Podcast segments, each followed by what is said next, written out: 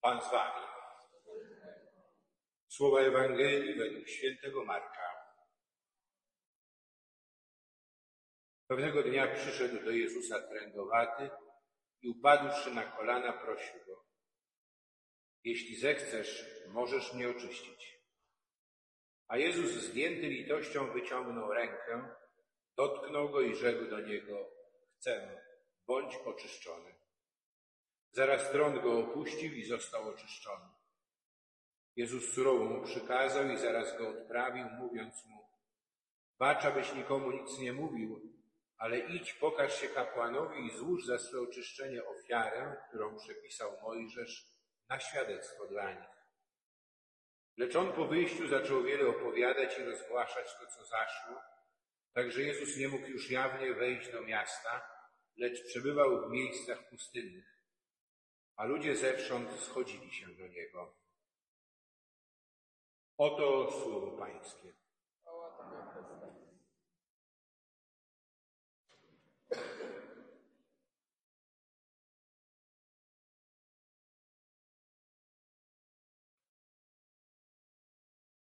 Trąd. Straszliwa choroba, która towarzyszy ludzkości pewnie niemal od początku, najstarsze świadectwa i opisy tej choroby pochodzą z około 4,5 tysiąca lat przed Chrystusem z starożytnego Egiptu. I do niedawna pozostawała chorobą nieuleczalną. Choroba, która stanowiła wielkie wyzwanie, będąc z jednej strony zagrożeniem, zagrożeniem dla całej społeczności, ale jednocześnie sprawiając, że ludzie nią dotknięci byli traktowani już jak żywe trupy, odsuwani od y, życia społecznego, zerwane relacje, tak jak słyszeliśmy w Księdze Kapłańskiej, że jeśli u kogoś stwierdzono objawy trądu, to musiał opuścić obóz, czy potem miasto, żyć poza jego granicami y, i swoim wyglądem jednocześnie ostrzegać innych, że on jest y, zarażony tą chorobą, czy krzyczeć nieczysty, nieczysty, czy też używać kołatki, czy dzwonka. A gdyby ktoś z trendowatym zbliżył się zbytnio do obozu, to powinien być odpędzany kamieniami. Straszna historia, ale w tle jest to troska o to, aby ta choroba się nie rozszerzała, żeby ocalić innych. My mamy tego doświadczenie. Mamy doświadczenie nie takie dawne przecież pandemii, tych różnych też i środków, które były podejmowane. Można też stawiać znak zapytania, bo pamiętamy też i straszliwe cierpienie ludzi. Ludzi, którzy doświadczali samotności, izolacji, którzy musieli umierać w oderwaniu, bez bliskości swoich najbliższych. My, którzy też i celebrowaliśmy pogrzeby, tylko z samymi najbliższymi, naprawdę doświadczenie bardzo wielkiego bólu i cierpienia. I teraz Pan Jezus, który wchodzi w tę rzeczywistość, trzeba dodać jeszcze jedną rzecz, że trąd w Starym Testamencie łączono zawsze też i z ciężkimi grzechami, że w przekonaniu właśnie ludzi tamtego czasu trąd nie brał się tak z niczego, tylko był konsekwencją bardzo ciężkich grzechów popełnionych przez człowieka, który został tą chorobą dotknięty, ewentualnie przez jego bliskich. Także mamy jeszcze dodatkowy problem i cierpienie tych, którzy muszą się zmagać też z takim poczuciem, czy ja jestem przeklęty przez Pana Boga. Czy, czym dałem powody do tego, żeby zostać dotknięty takim nieszczęściem? I teraz zobaczmy, Jezus co czyni? Jezus po pierwsze pozwala, żeby człowiek dotknięty trądem zbliżył się do Niego. I ten człowiek zdeterminowany przychodzi do Jezusa, pada na kolana i co mówi? Jeśli chcesz, to jest bardzo ważne, jeśli chcesz, możesz mnie uzdrowić. On uznaje w Jezusie tego jedynego, który jest w stanie przywrócić mu życie, który jest w stanie uwolnić go od choroby ale też jakby przywrócić go, przywrócić go na nowo i Bogu, i braciom, od których został odcięty, odsunięty przez swoją chorobę. Ale ważne jest to, Jezus oczywiście odpowiada chcemy. To jest Jego wybór, jest to też możemy powiedzieć oczywiste, bo Jezus stał się jednym z nas z miłości do nas. Niewyobrażalne jest, żeby kogoś odtrącił. Ale potrzebny jest ten akt zamierzenia. Y, to nie Jezus jest tym, który ma wypełniać moje e, oczekiwania, moje żądania, e, tylko ja przychodzę do Niego zawierzając mu siebie. I w ten sposób dokonuje się też e, i to uzdrowienie. Bo ja w ten sposób przyjmuję to życie od Niego. A On jednocześnie co robi? Łamie wszelkie zasady, przecież On uzdrawiał ludzi na odległość. A On teraz co robi? Wyciąga rękę i dotyka człowieka chorego. Chorego na front, czyli on jakby sam na siebie bierze całe to odium związane z chorobą, a jednocześnie też i pokazuje, że jest coś ważniejszego niż lęk przed zarażeniem. To jest miłość, to jest troska o drugiego, to jest ta bliskość, czułość, którą on mu poprzez ten gest okazuje. Ten gest jest zapowiedzią tego pełnego gestu, jaką będą rozłożone ramiona Jezusa na krzyżu. Bo Jezus e, nie uzdrawia od tak sobie, bo ma taką moc. Jezus uzdrawia i daje życie, ofiarując swoje życie. Za tego człowieka chorego, za każdego chorego, który przychodzi do Niego prosząc e, o życie. Tak naprawdę to my stajemy przed wyborem, bo łatwo słuchać tej Ewangelii e, jako właśnie ktoś, kto stoi na zewnątrz, jako pewnego rodzaju obserwator, słuchacz.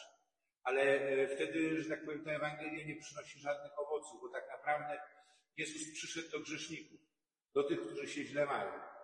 I im przyszedł dać zbawienie. E, to nie jest tak, że dostęp do Jezusa daje mi sprawiedliwe życie, czystość, którą staram się zachować, wierność prawu. Można powiedzieć, że taką pilot bezpośredniego dostępu do Jezusa daje mi właśnie to poczucie i uznanie mojego własnego grzechu, mojej choroby moja potrzeba i wołanie skierowane do Jezusa o uzdrowienie. Jeśli chcesz, możesz mnie uzdrowić. I my, kiedy tu przychodzimy, przychodzimy z naszymi chorobami, bo każdy z nas w różny sposób, e, ale nie domaga. My przychodzimy tutaj po to, aby e, właśnie od Jezusa otrzymać życie. Przychodzimy tu, bo czy sami mamy już to doświadczenie, czy uwierzyliśmy tym, którzy nam o nim opowiadali i przychodzimy właśnie po to, aby y, Jezus mógł rzeczywiście nas uzdrowić, abyśmy mogli doświadczyć tego Jego dotknięcia. I w wymiarze choroby, dzisiaj też czytałem o doktor Błeńskiej, nie wiem, niektórzy jeszcze może pamiętają naszą parafiankę świętej pamięci doktor Litwińską. Ona przez jakiś czas pomagała też y, doktor Wandzie Błeńskiej, y, której proces beatyfikacyjny się toczy w tej chwili w Poznaniu. E, ona, która zajmowała się chorymi, właśnie jak ktoś o niej powiedział, ona nie leczyła trądu, ona leczyła trędowatych. I do badania ludzi trędowatych nigdy nie zakładała rękawiczek. Zakładała rękawiczki tylko wtedy, kiedy opatrywała otwartą ranę albo kiedy operowała. I mówię o tym, bo to jest kwestia taka właśnie, żeby nie okazać tym ludziom lęku, że ja się ich boję, żeby ich nie odtrącić, a jednocześnie, żeby w ten sposób też przyczynić się do tego do przełamania takiego E, odsunięcia społecznego, tej izolacji, jakich e, ci ludzie doświadczali, doświadczali już w czasie, kiedy prąd e, był chorobą uleczalną. I Jezus podobnie. Jezus się mnie nie wstydzi, On mnie nie odrzuca. On mnie przyjmuje i On bierze na siebie mój grzech, moją chorobę, to co mnie boli. I tak jak słuchamy też w psalmie, który też jest naszą modlitwą.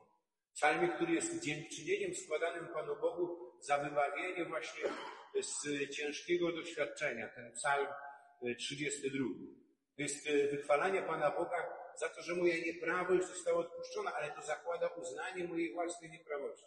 Uznanie tego, że ja sam nie jestem sobie w stanie dać życia. Uznanie mojej własnej bezsilności. Tego, że ja się tak naprawdę też i nie liczę. Dobrowolne wybranie też i E, odsunięcia na margines. Dzisiaj może to jest bardziej zrozumiałe też dla nas, kiedy bycie chrześcijaninem przestało być takie oczywiste i przyznawanie się do Pana Boga i do Kościoła nie przynosi korzyści, a raczej sprawia, że e, stajemy pod e, pręgierzem i musimy się z tego tłumaczyć. Ale to jest też i okazja do tego, żeby dać świadectwo Jezusowi. Bo ktoś, kto doświadczy uzdrowienia, nie może e, mieć zamkniętych ust. Tak jak ten trędowaty, który łamie zakaz Jezusa i idzie, wypełniając to posłanie, idzie posłany do kapłanów. Idzie posłany do kapłanów, żeby dać świadectwo, podwójne świadectwo. Po pierwsze tego, że ten, który go uzdrowił, czyli Jezus Chrystus, nie znosi prawa, tylko podporządkuje się, podporządkowuje się prawu.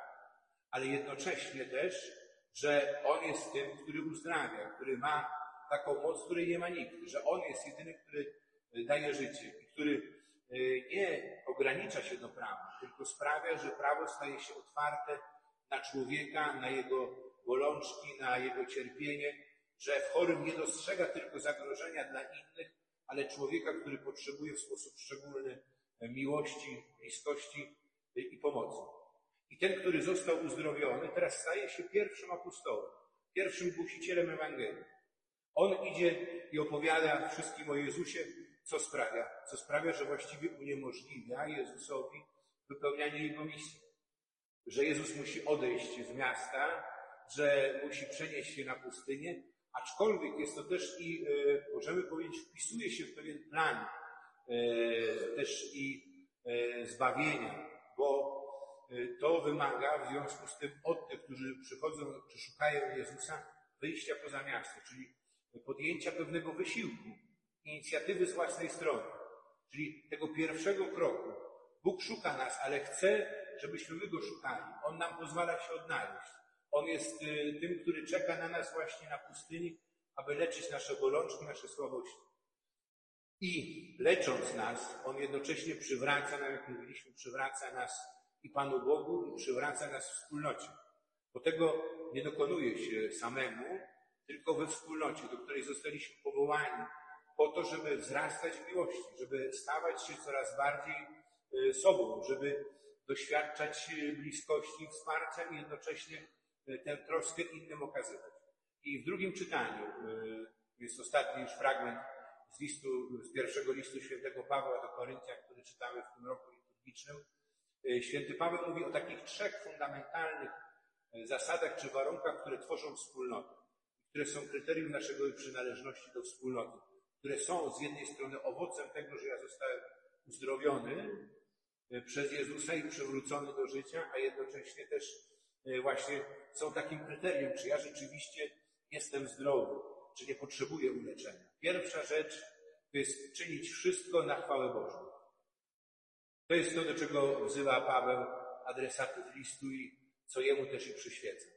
Tylko też i pytanie, bo bardzo łatwo yy, jako chwałę Bożą yy, przedstawić to, co mi odpowiada. Tak? To jest też i kwestia właśnie weryfikacji i we wspólnocie, i w odniesieniu do innych, prawda? Paweł, wiecie, to jest tak, że nie ma tak y, od samego początku, y, to jest nasze wyobrażenie takie bardzo fałszywe, że tak jak Pan Jezus był taki bardzo słodki, łagodny, on okazywał litość, ale to samo określenie w dzisiejszej Ewangelii, kiedy poruszony litością, można przetłumaczyć, kiedy wybuchnął gniewem. Prawda? On, kiedy posyła tego uzdrowionego trendowatego do kapłana, to nie posyła go właśnie z jakąś taką bardzo, że tak powiem, delikatną prośbą, tylko go wyrzuca wprost.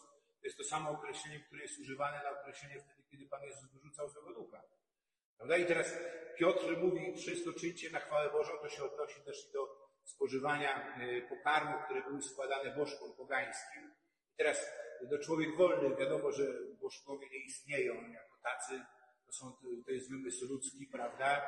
E, w związku z tym nie ma znaczenia, czy ja zjem, czy nie zjem ten pokarm, ale teraz chodzi o to, żeby nie gorszyć też innych, żeby dać świadectwo Bogu gdzieś tam trzeba szukać właśnie takiej właśnie postawy, czy decyzji, która, że tak powiem, będzie z jednej strony wypełnieniem prawa, a z drugiej będzie e, też się odpowiadała duchowi, duchowi miłości, do którego zostaliśmy wezwani, którym zostaliśmy obdarzeni. I to wywoływało też i konflikty, pewną weryfikację. Znamy ten konflikt między Piotrem a Pawłem, prawda? Paweł, który, że tak powiem, się oburza, bo Piotr gdzieś tam się podporządkował i e, właśnie zaczął wymagać też i od nawróconych z pogaństwa, żeby poddawali się obrzezaniu, prawda? Czyli podlegali e, prawu żydowskiemu. E, Paweł się temu sprzeciwia. Spotykają się, jest ten pierwszy tak zwany sobór w Jerozolimie, kiedy przez kilkanaście dni, bardzo krótko tylko Paweł przybyła do Jerozolimy, ale kiedy podają sobie potem prawicę. Także to nie jest tak. Czynić wszystko na chwałę Bożą, to trzeba też mieć wzgląd na to, co mówi Kościół i czynić to w duchu tego, jak czyni to Kościół, a nie to, co mi się wydaje. I po drugie, co mówi Paweł, że absolutnie pod żadnym względem nie szukać własnej korzyści, tylko dobra wiele, byli zbawieni. Czyli to, co nam przyświeca, to jest troska o zbawienie innych i moje własne zbawienie. Nie zaspokajanie takich czy innych potrzeb, prawda? Nie rekompensowanie sobie jakichś tam braków, czy właśnie odpowiadanie na moje tylko potrzeby emocjonalne, tylko troska o zbawienie własne i troska o zbawienie innych. To jest to, co nas łączy ze sobą. I trzecia sprawa, Paweł mówi, naśladujcie mnie tak, jak ja naśladuję Chrystusa. A naśladować Chrystusa to znaczy nie kopiować dokładnie Jego sposób życia, tylko mamy dla siebie wzajemnie stawać się im inspiracją. Inspiracją w odkrywaniu tego, czego Pan Jezus od nas pragnie, do czego nas zaprasza. I w duchu Jezusa teraz szukania rozwiązań problemów, które stoją przed nami, ale przede wszystkim właśnie tej troski, troski o zbawienie innych, troski o zbawienie moje własne i czynienia wszystkiego na chwałę Pana Boga.